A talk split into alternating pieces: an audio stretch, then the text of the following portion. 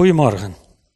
En ik wil vandaag met jullie stilstaan bij het thema het Koninkrijk van vandaag. Vorige week hebben we stilgestaan bij het Koninkrijk van de toekomst, wat er nog moet komen.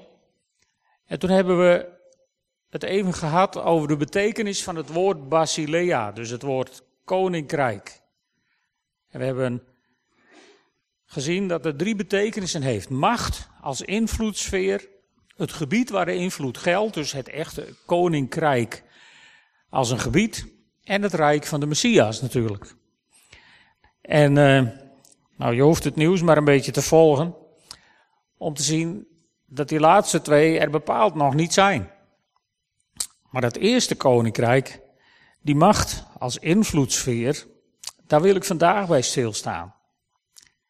En uh, ja, als je kijkt naar wat er in het Midden-Oosten gebeurt, in Syrië, Irak, maar ook Turkije, Israël, dan zou je bijna zeggen, als deze mensen daar zouden zeggen, de grote verdrukking is aangebroken, dan moet je van goede huizen komen om dat te ontkennen. Dat is dramatisch. Maar toch is er ook een koninkrijk van vandaag. En daar wil ik met jullie bij stilstaan. Petrus die schrijft in 1 Petrus 2 vers 9, maar u bent een uitverkoren geslacht, een koninkrijk van priesters, een heilige natie, een volk dat God zich verworven heeft om de grote daden te verkondigen van Hem die u uit de duisternis heeft geroepen naar zijn wonderbaarlijk licht. En Petrus die schrijft hier niet in de toekomende tijd, Petrus die schrijft hier in de tegenwoordige tijd. U bent een uitverkoren geslacht. U bent een koninkrijk van priesters. Gewoon een feit. Zoals het is. En dat koninkrijk van priesters, dat is er al heel lang. Want Petrus bedenkt dit niet zelf. Hij citeert uit de Torah, uit Exodus 19, vers 6. Waar het volk Israël net uit de woestijn is, of uit Egypte is, in de woestijn. En dan zegt God tegen hen, Jullie zullen een koninkrijk van priesters zijn, een heilig volk. Dat is de opdracht die ze meekrijgen. En uh, eigenlijk is het nog veel ouder. Met één bij de schepping krijgen Adam en Eva de opdracht om vruchtbaar te zijn, talrijk te worden, de aarde te bevolken, haar onder hun gezag te brengen en te heersen over de vissen van de zee, over de vogels van de hemel en over alle dieren die er op aarde rondkruipen. Dus het, het koningschap, dat heersen, die opdracht die gaf God al aan de mens. En sterker nog, toen God op het idee kwam om mensen te gaan scheppen, toen zei hij, laten wij mensen maken die, op, die ons evenbeeld zijn en die op ons lijken. Ze moeten heerschappij voeren over de vissen van de zee, de vogels van de hemel, het vee, de hele aarde en alles wat daarop rondkruipt. Dus het was vanaf het allereerste begin Gods bedoeling dat er mensen op aarde zouden zijn die de aarde onder de invloedssfeer van God zouden brengen. Dat is de, de, de diepe betekenis van het heersen. Het heersen betekent niet dat wij even de baas gaan uithangen en dat wij deze wereld even naar onze hand gaan zetten. En dat wij de aarde mogen misbruiken zoals het ons goed dunkt. Als God het hier over heeft dat de mens moet heersen over de aarde, de aarde onder heerschappij moet brengen, dan bedoelt hij dat, dat we de aarde onder de invloedssfeer van God moeten brengen. Als beelddragers van God, als, als Gods gelijkenis is de mens op deze aarde neergezet. En toen dat klaar was, toen was er eigenlijk de situatie ontstaan waar Jezus om bad in Matthäus 6, vers 10. Laat uw koninkrijk komen en uw wil gedaan worden op de aarde zoals in de hemel. En God keek ernaar, zegt Genesis 1, vers 31, en hij zag dat het zeer goed was. Op de zesde dag. Maar helaas bleef het niet zo. Helaas verstoorde de duivel het plan van God en kwam de aarde daardoor onder de invloedssfeer van Satan. Maar God zou God niet zijn als hij het daarbij had laten zitten. Dus God maakt een nieuw begin. Hij roept Als de aarde helemaal in zonde ligt en, en mensen van God los zijn en na de zonvloed opnieuw zijn begonnen, maar toch weer eigenlijk helemaal verwilderd zijn, roept hij één mens eruit. één man, Abraham. In Genesis 12. En hij zei tegen Abraham, ga uit uit uw land, uit uw familiekring, uit het huis van uw vader naar het land dat ik u wijzen zal. Wat lijkt dat ontzettend op wat Petrus zegt als de mensen in Handelingen 2 vragen wat moeten we doen? Dan zegt Petrus keer je af van je huidige leven. Zo vergelijkbaar met de opdracht die Abraham krijgt. Weg uit je familie, uit je land, uit je, uit je milieu. Weg uit de invloedssfeer waar je zit. Ik roep je eruit. En ik zal je, zegt hij dan tegen Abraham, tot een groot volk maken. Ik zal je zegenen, je naam groot maken en je zult tot een zegen zijn. Ik zal zegenen wie u zegenen en wie u vervloekt, zal ik vervloeken. En in u zullen alle geslachten van de aardbodem gezegend worden. Alle geslachten. Daar horen wij ook bij. Dus God maakt een nieuw begin. En zo was het Gods bedoeling dat via het volk Israël zijn invloedssfeer op deze aarde opnieuw zichtbaar zou worden, opnieuw gevestigd zou worden op deze wereld. Maar gaandeweg de geschiedenis werd het duidelijk dat dat door gewone mensen niet ging lukken. Het ging hem niet worden. Maar God gaf opnieuw de moed niet op en stuurde een bijzonder mens naar deze wereld de zoon van Abraham en de zoon van God. De apostel Matthäus begint zijn evangelie als volgt. Overzicht van de afstamming van Jezus Christus, de zoon van David, de zoon van Abraham.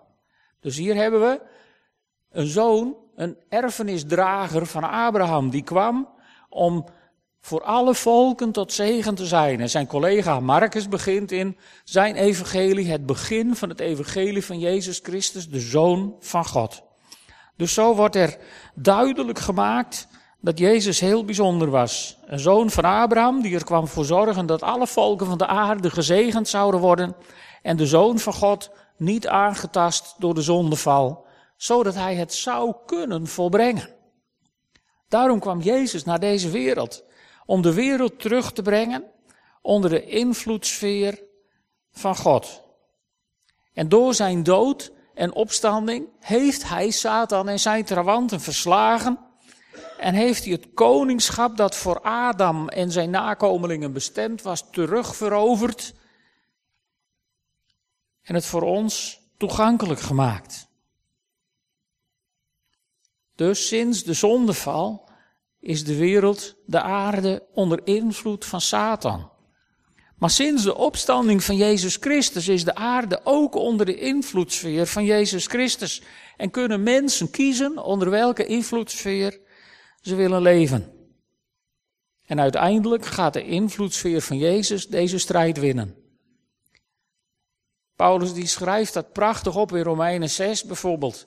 Dan schrijft hij, maar God zij gedankt, u was slaven van de zonde. Dus je was onder de invloedssfeer van Satan. Maar nu gehoorzaamt u van ganser harte de leer waaraan u zich hebt toevertrouwd. En bevrijd van de invloedssfeer van Satan, heb je in dienst gesteld van de gerechtigheid van de invloedssfeer van God. Dus die overstap, die heeft Jezus Christus mogelijk gemaakt. En uiteindelijk gaat hij het winnen. Dat zien we in 1 Korinthe 15. Daar staat, dan komt het einde. En draagt hij, Jezus dus, het koningschap over aan God de Vader. Nadat hij alle heerschappij en elke macht en kracht vernietigd heeft. Want, zegt Paulus, hij moet koning zijn totdat God alle vijanden aan zijn voeten heeft gelegd. En dat is nog niet klaar.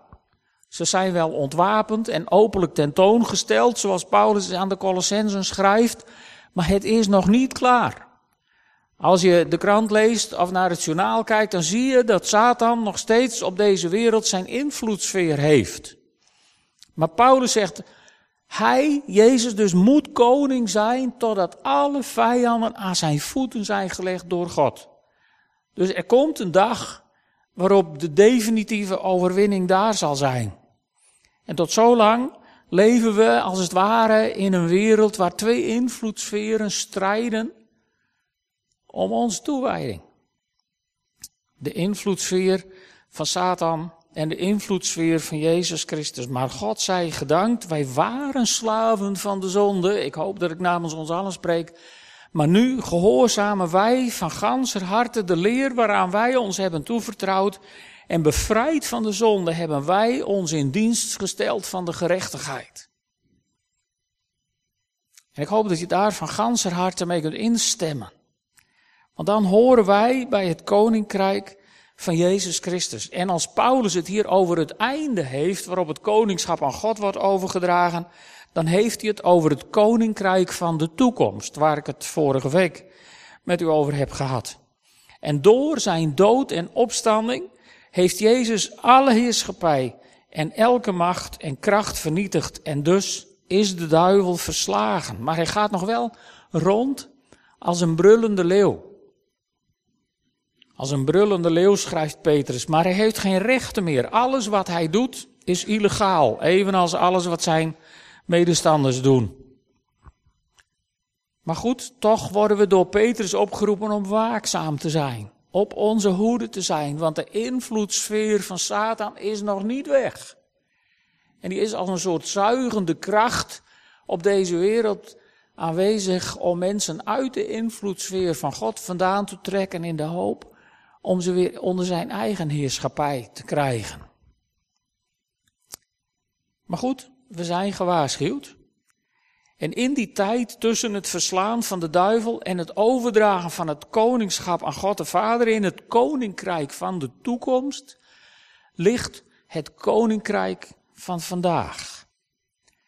Dat koninkrijk van vandaag is dichterbij dan menig een denkt. Herhaalde malen zegt Jezus of laat hij zijn leerlingen verkondigen dat het koninkrijk nabij is. Bijvoorbeeld in Marcus 1, vers 15. Dit was wat hij zei. De tijd is aangebroken. Het koningschap, koninkrijk van God is nabij. Kom tot inkeer en hecht geloof aan dit goede nieuws. Een prachtige tekst waar ik een paar dingen over wil, eh, wil opmerken. Om te beginnen, valt het een beetje weg in de nieuwe Bijbel, Bijbelvertaling. Want er staat het koninkrijk van God is nabij. In de, in de grondtekst staat een werkwoord. Daar staat het koninkrijk van God is nabij gekomen. En dan spreekt Paulus in de voltooid verleden tijd. De tijd is aangebroken dat het koninkrijk naar je toegekomen is. Dus dat is klaar. Dat is een feit. Dat is geen toekomstverwachting. Dat is een hard gegeven, zoals het in de grondtekst staat, zoals de Bijbel het ons aanreikt. Het is een dagelijkse realiteit waarin wij mogen binnengaan. De beweging van God uit, als het ware, die je in dit vers ziet. De beweging van God uit naar ons toe. Het koninkrijk is nabijgekomen. Die beweging is gemaakt. En dan staat er, kom tot inkeer en hecht geloof aan dit goede nieuws. Dat is geen voltooid verleden tijd, dat is een opdracht. Dat is iets wat we moeten doen. Dus de beweging van God is voltooid. De vraag is hoe het met onze beweging naar God toe zit. Want dat is waar, waar, ja, waar wij toch een heel klein mini-rolletje in dit geheel spelen. Het koninkrijk is dichtbij gekomen. En dat is goed nieuws, zegt Jezus elke keer weer. En dat goede nieuws, dat vraagt om een reactie. En als die reactie uitblijft, dan kun je het koninkrijk van vandaag niet ervaren.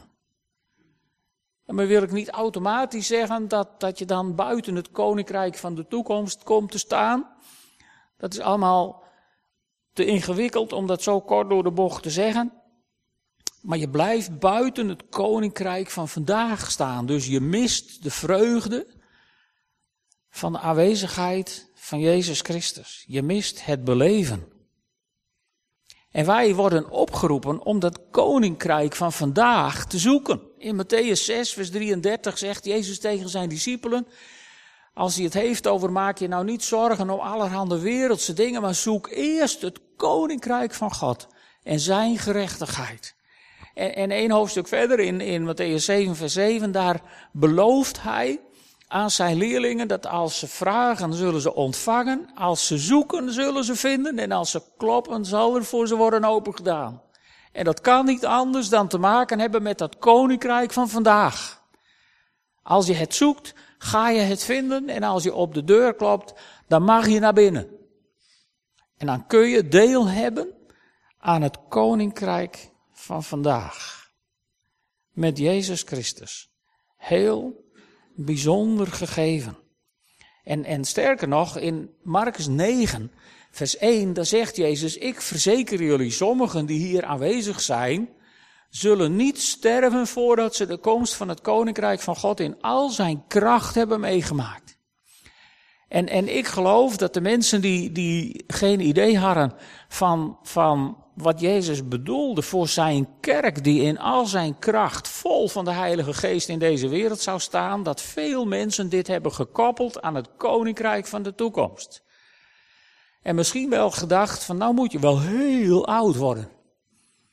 Of het moet heel vlug komen. Mensen die in die gedachten zijn blijven hangen, die moeten heel teleurgesteld gestorven zijn. Want die hebben het niet gezien. Maar volgens mij bedoelde Jezus het helemaal niet zo ingewikkeld. Ik geloof zelf, de mensen tegen wie Jezus dit zei, die hoefden alleen maar te blijven leven tot na de dood en de opstanding en de hemelvaart van Jezus Christus en de uitstorting van de Heilige Geest. Want toen was het er. Toen was het koninkrijk op deze wereld. Zo lang hoefden deze mensen niet te wachten. En, en toen was het koninkrijk in al zijn kracht aanwezig. Eigenlijk was het er al toen Jezus op aarde liep. Hij demonstreerde het koninkrijk in al zijn kracht. En als Jezus dan naar de hemel is en de, en de Heilige Geest is neergestort, dan zien we het eerste verhaal over Petrus en Johannes bij de, bij de Gouden Poort, waar ze, of bij de Schone Poort, waar ze een verlamde ontmoeten die ze genezen. Het koninkrijk in al zijn kracht werd zichtbaar gemaakt. En we lezen in handelingen over, over mensen die genazen omdat de schaduw van Petrus op ze viel. We lezen over Paulus die aan de Corinthiërs schrijft, ik kwam niet met geweldige woorden of, of ik preekte niet de sterren van de hemel, maar ik demonstreerde het koninkrijk in kracht. Dus het koninkrijk was er vanaf het moment dat de Heilige Geest op deze wereld kwam. En vanaf dat moment was Jezus koning van de aarde. Zoals we gezien hebben in 1 Corinthians 15, vers 25. Hij moet koning zijn totdat God alle vijanden aan zijn voeten heeft gelegd. In dat proces leven wij met elkaar. In het koninkrijk van vandaag. En wij zijn zijn koninkrijk van priesters op deze wereld. Een heilige natie. Een volk dat God zich verworven heeft. Met andere woorden, het is niet onze verdienste. God heeft ons voor zich verworven. En waarom heeft hij dat gedaan? Om de grote daden te verkondigen van hem die ons uit de duisternis heeft geroepen in zijn wonderbaar licht. Wij zijn geroepen om een koninkrijk van priesters te zijn. En, en Stefan Paas, die heeft daar heel mooi boek over geschreven. Die heeft daar een, een hele mooie kijk op, op het priesterschap van de gelovigen. Van een christelijke gemeenschap omschrijft hij als het ware, die, die in, in, in Nederland, in Europa, allang niet meer de machtige meerderheid is, die gewoon vanuit zijn machtspositie iedereen naar zijn hand kan zetten, maar een minderheid die als priesters op deze wereld leven.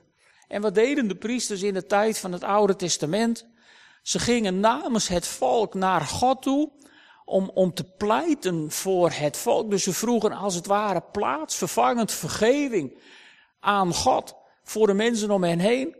En ze mochten namens God vergeving en verzoening uitspreken richting die mensen. En ook pleit ik niet voor een nieuw intermediair tussen God en de mens, want daar geloof ik helemaal niet in. Ik geloof in het feit dat wij rechtstreekse toegang hebben tot onze Vader in de hemel door Jezus Christus in de kracht van de Heilige Geest. Dat is het koninkrijk van priesters dat God zich verworven heeft. Maar onze taak is om, om voor deze wereld op de bres te staan bij God, zeg maar net als Abraham, eindeloos te pleiten, zoals Abraham dat deed voor Sodom en Gomorra, eindeloos bij God in de pleit te liggen dat hij deze wereld niet zal aanrekenen wat er aan onrecht gebeurt en de hemel bestormen om God te vragen om meer voor zijn Heilige Geest, zodat het zichtbaar zal worden dat Jezus koning is van deze wereld en niet Satan. Wij dienen met elkaar degene die gaat winnen. Hebben jullie dat wel in de gaten? Soms zijn de christenen die maken zich zoveel zorgen over wat Satan op deze wereld allemaal nog gaat doen. Hè? Weet je wat Satan op deze wereld allemaal nog gaat doen? De slag verliezen. En mijn Jezus heeft de slag gewonnen en die gaat dat steeds meer demonstreren. Alleen dat wil hij doen door jou en mij. En de vraag is, hoe dapper zijn we? Hoeveel ruimtes willen wij God geven om door ons heen zichtbaar te zijn in deze wereld, het koninkrijk te laten zien in al zijn kracht? En dat is, dat is een opdracht waar je best wat, wat ja, misschien een beetje tegenaan kunt, kunt hangen. Zo van, wauw, dat is wel groot. En volgens mij wist Jezus dat we er zo tegenaan zouden hangen. Zo van, wauw. Ik weet niet of ik dat wel durf. Ik weet niet of ik dat wel kan. Ik weet niet of ik daar wel talenten genoeg voor heb. Daar mogen jullie het volgende week over hebben. Ik weet niet of hem dat wel wordt. En dan zegt Jezus, luister eens vrienden. Waar twee of drie mensen in mijn naam samen zijn, ben ik in jullie midden.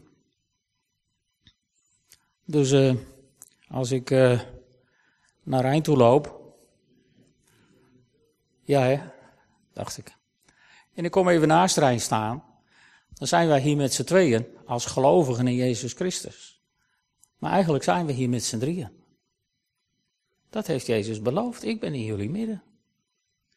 En als de koning er is, is het koninkrijk er ook. Weet je dat?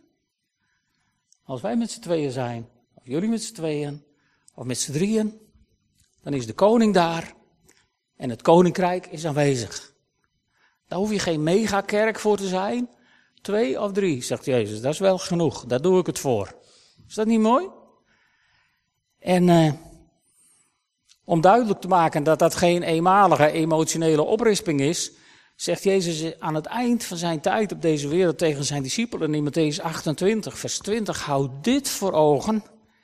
Ik ben met jullie alle dagen tot aan de voleinding van de wereld, dus tot het koninkrijk van de toekomst. Al die tijd ben ik bij je. Is dat niet mooi? De langste garantie die je op deze aarde kunt krijgen, die staat in de Bijbel.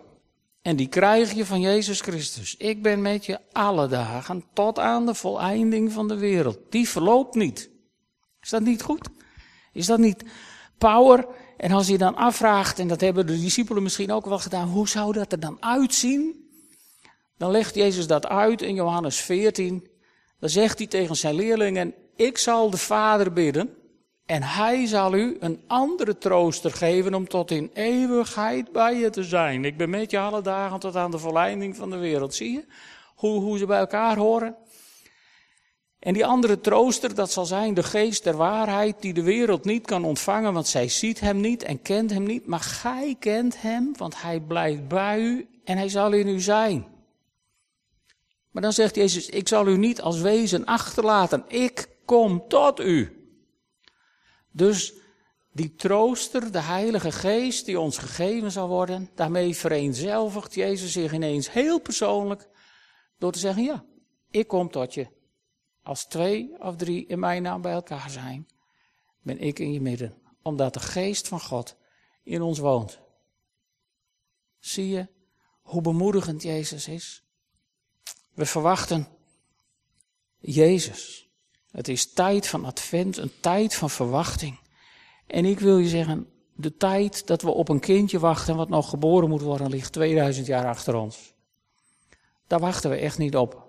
Het is goed om dat te vieren, het is, er is niks mis mee om dat te herdenken met een groot feest, want het was heel bijzonder dat God naar deze wereld wilde komen voor jou en mij. En, en we kunnen ook verwachten met advent dat Jezus terugkomt op de wolken. Het koninkrijk van de toekomst kunnen we ook verwachten. Maar het kan heel ontmoedigend zijn als het heel lang duurt en als maar uit lijkt te blijven. Lieve vrienden, wat we ook mogen verwachten met elkaar, is dat als twee of drie van ons bij elkaar zijn, de koning er gewoon is. In ons midden. Met al zijn kracht. En dat de geest van God aanwezig is om dingen te doen die jij en ik niet voor mogelijk houden, die we misschien in de kerk veel te lang niet hebben gezien. Durf je het koninkrijk in al zijn kracht, misschien dwars door je teleurstellingen van het verleden heen, nog steeds te verwachten, want dan is het oprecht advent vandaag. Dan hebben we de kaarsjes niet voor niks aangestoken. Want weet je, Hij is hier. Hij is bij ons. En Hij wil met ons het koninkrijk vieren in brood en in wijn. Mag ik jullie vragen op te staan? Dan wil ik graag samen bidden. Vader God, het is zo verbijsterend om te zien dat uw plan met ons als mensen die uw invloedssfeer op deze wereld zichtbaar maken, er al was voordat de eerste mens überhaupt werd geschapen. Heer, en het, er, er is vreselijk veel misgegaan op deze wereld. Maar door uw genade was er telkens een nieuwe kans. Door uw genade is er ook nu de tijd van het koninkrijk. Dankzij uw zoon Jezus Christus. En heren, wij mogen daar bij stilstaan, elke keer als we avondmaal vieren. Elke keer als we denken aan dat kostbare offer van uw zoon Jezus Christus. En elke keer mogen we daarbij terugdenken aan wat u voor ons hebt gedaan. Heren, en vanuit dat geloof, vanuit die zekerheid dat u hier bent in ons midden, wil ik dit brood en de wijn zegenen in de naam van de Vader, in de naam van de Zoon en in de naam van de Heilige Geest. Amen.